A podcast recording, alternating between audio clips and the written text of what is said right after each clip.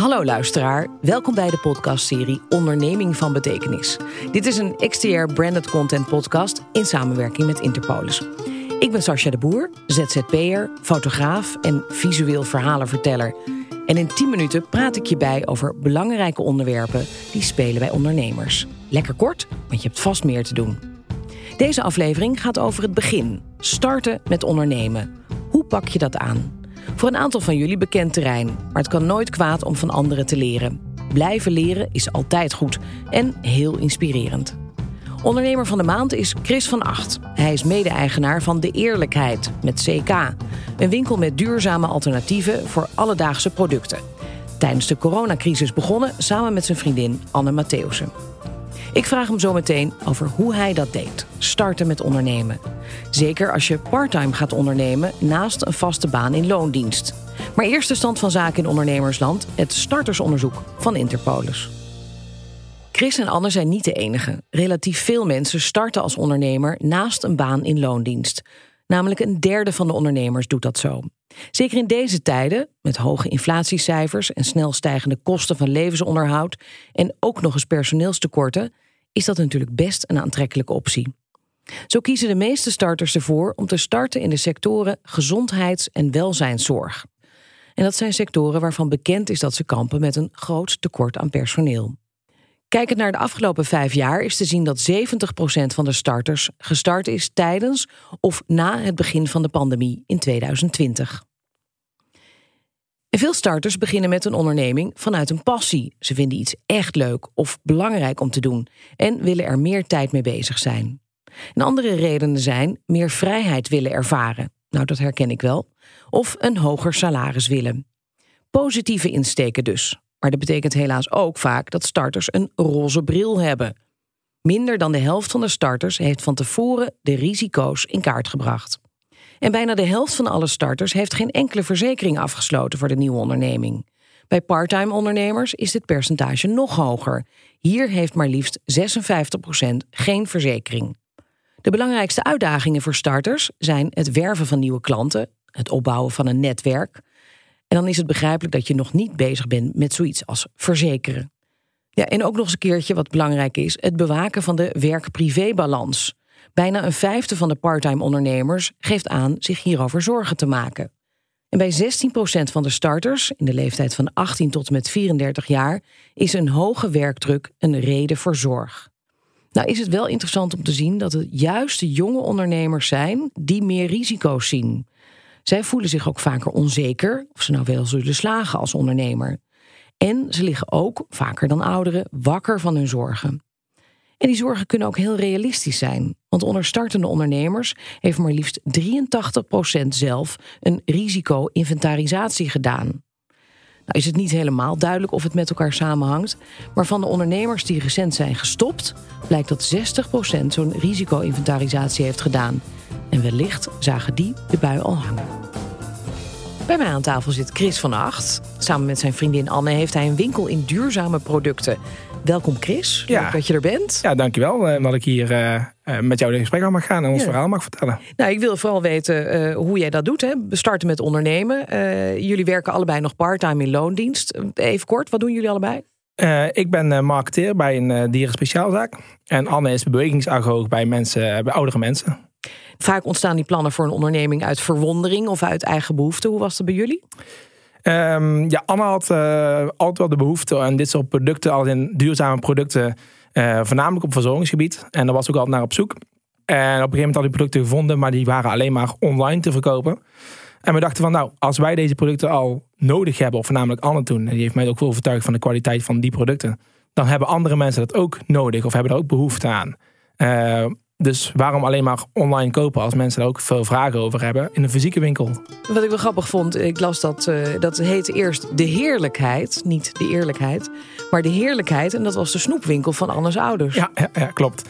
Uh, in principe hadden zij ook al een verpakkingsvrije snoepgoed, want ze hadden gewoon potten staan waar je zelf je snoepen kon, uh, kon scheppen. Of ja, het werd geschept voor je, maar in principe zou je het zelf kunnen scheppen. Um, en dat heette de heerlijkheid, gewoon heerlijke snoepjes met CK. Staat ook groot op het pand bij ons. Ehm, dus ja, de naam toen we die moesten gaan bedenken was eh, heel snel bedacht. We hadden gewoon een haartje vanaf gesnoept en eh, onze Kijk, naam was En ontstaan. zo ontstond eh, Ja. de, de winkel. Waarom vind je duurzaamheid nou eigenlijk belangrijk?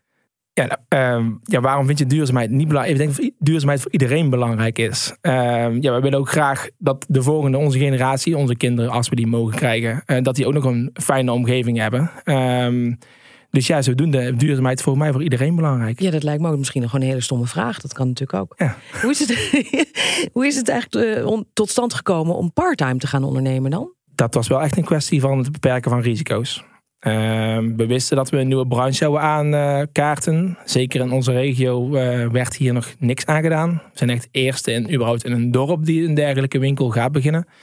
Eh, dus je weet gewoon niet eh, wat je klandizie überhaupt zal zijn en of het überhaupt iets gaat opleveren.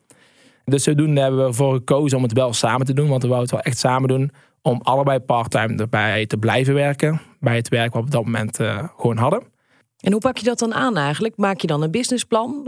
Of scha- schat je de risico's in? Ja, we hebben wel echt begonnen. We zijn begonnen met een eh, businessplan te maken. En ook wel echt de risico's daarin. eh, maar voor ons waren de risico's voornamelijk op financieel gebied. Ehm, maar eigenlijk doordat wij dus bleven werken, hebben we die risico's al wel deels uitschakeld. Eh, maar we wisten gewoon niet hoe of wat. En het was een nieuwe markt. En we moesten heel snel schakelen. Want in december kregen we te horen dat we het eh, zouden gaan doen. Eh, en in eh, april zijn we uiteindelijk geopend. Dus we dachten van ja, we kunnen wel twee maanden lang een businessplan gaan maken. Waar we wel mee zijn begonnen, maar niet volledig af hebben gemaakt. Maar we gaan het toch doen. Gewoon Dus- doen. Gewoon doen. Just En- do it. ja, We, we stonden erachter en we wisten dat het misschien wat tijd nodig had. Maar Ja, en wat is, je zegt als het wat tijd nodig heeft, is dat dan ook de grootste uitdaging om echt fulltime te gaan ondernemen? Eh, Of zijn er meer dingen? Ja, we- het werk wat we allebei nou doen, vinden we allebei echt nog heel erg leuk. Dus de afwisseling daarin is, eh, ja, is gewoon goed. Je merkt alleen wel dat je als je op je andere werk bent of in de winkel staat, dat je ook nog wel deels met je andere, eh, ja, andere deel bezig bent. Of met de winkel of andersom. En is dat, is dat positief of is dat beperkend misschien? In sommige gevallen zal het wel beperkend zijn. Eh, je kunt je op dat moment niet volledig richten op één ding misschien wat je wel zou willen. Dus ja, als wij in de toekomst kijken, dan, dan hopen wij dat we dit samen kunnen gaan draaien. Ja, en, en wordt het dan ook, want het is nu een fysieke winkel in Oorschot. Eh, dus je moet erheen, dus ook de klanten moeten daar ook heen. Hebben jullie ook plannen voor een eh, webshop? Ja, we zijn op dit moment bezig met het bouwen van een basis van een webshop. Maar we verkopen verpakkingsvrije dingen. En dan mag jij mij ook vertellen hoe je verpakkingsvrij Gaat opsturen. gaat opsturen. Ja, dat Dus- eh, werkt niet hè? Er Nee. altijd iets omheen. Nee, dus de webshop die we gaan bouwen is puur informatief. Waar informatie over de producten in komt. Waar mensen wel zouden kunnen kopen alvast. Om het dan vervolgens in de winkel te komen ophalen. En wellicht, eh, we beginnen gewoon bij daar. En misschien ooit- komt er ooit een duurzamere oplossing om het ook te versturen op de juiste manier. Ik denk dat het trouwens ook sowieso leuk is om naar de winkel toe te gaan. Want die ziet er ook heel erg leuk uit. Ja, ja het, is, eh, het is inderdaad eh, geen standaard winkel. En het, is leuk om een keer binnen te komen. Ja. Ja. Wat vind je nou het leukste aan ondernemen? Echt iets voor jezelf hebben. Anne en ik hebben al lang tegen elkaar gezegd... we willen ooit iets voor onszelf beginnen. Ehm, en de laatste jaren werd het iets concreter welke richting dat in zou zijn. Eh, wel altijd in een winkel in ieder geval. Een winkel eh, in het pand van de, mijn schoonouders, dus de ouders van Anne. Ja, en gewoon echt die vrijheid die je dan hebt om gewoon te doen wat je wil. Je, je doet iets waar je achter staat en waar je je fijn bij voelt. Eh, en al het werk wat je doet is gewoon voor jezelf. Ja. Nou eindigen we deze podcast altijd met tips en tricks voor andere ondernemers. Wat zijn die van jou? Ehm, ja, als ik daar ja, heel eerlijk over moet zijn. Je moet iets doen waar je echt passie voor hebt of waar je je goed bij voelt. En daarnaast, andere kant, beperk je risico's letterlijk. Als het gaat over parttime ondernemen. Voor ons is dit de manier om dit te kunnen doen. Anders waren we je niet, eh, ja, ik zeg niet per se helemaal niet. Maar dan had je wel risico opgelopen dat je gewoon geen inkomen hebt. En dus moet de inkomen uit een winkel komen die nog niet bewezen heeft dat hij überhaupt gaat draaien. Ehm, dus bekijk wel of dat er überhaupt markt voor is. Eh, volg je hart en ga echt voor hetgeen waar je voor staat. En ja, eh, niet, Just do it. ja just do it, inderdaad. Ja, kijk, dat is Ja. de echte ondernemersgeest. Ja, dat denk ik wel. En volg je hart, vind ik Ja. ook een hele goeie. Ja, inderdaad. Dankjewel Chris voor dit gesprek. Ja, jij ook bedankt. En eh, ja, tot ziens bij de eerlijkheid zou ik zeggen. Tot ziens bij de eerlijkheid. Ja, als startende ondernemer komt er natuurlijk veel tegelijk op je af. Je hebt er bewust voor gekozen en je wilt er een succes van maken. Je doet er alles aan om een gezond bedrijf op te bouwen en te behouden. En om zonder zorgen te ondernemen is het belangrijk om goed voorbereid te zijn en de risico's in kaart te brengen. En het is goed om daarover tijdig advies in te winnen bij deskundigen. Ze kunnen startende ondernemers helpen om inzicht te krijgen in de risico's en hoe die te verkleinen. Verzekeraar Interpolis kan starters hierbij helpen en heeft bijvoorbeeld de starterscheck, waarmee je binnen twee minuten inzicht krijgt in welke verzekeringen passen bij jouw situatie. Een goed voorbereide starter is al een goede ondernemer. Dag luisteraar, dank voor het luisteren naar deze aflevering van Onderneming van Betekenis. Wil je meer weten over veilig ondernemen? Kijk dan op nrc.nl/slash brandedcontent interpolis. Wil je eerdere podcasts beluisteren, onder meer over cybersecurity, veilig verduurzamen en goede tips om als ondernemer om te gaan met arbeidskrapte? Blijf dan hangen of zoek op je favoriete podcast-app naar Onderneming van Betekenis. Daar hoor je ook tips van andere ondernemers waar je vast wel wat aan hebt. Ik spreek je graag een andere keer. Een fijne dag. Dit is een XTR branded content podcast in samenwerking met Interpolis.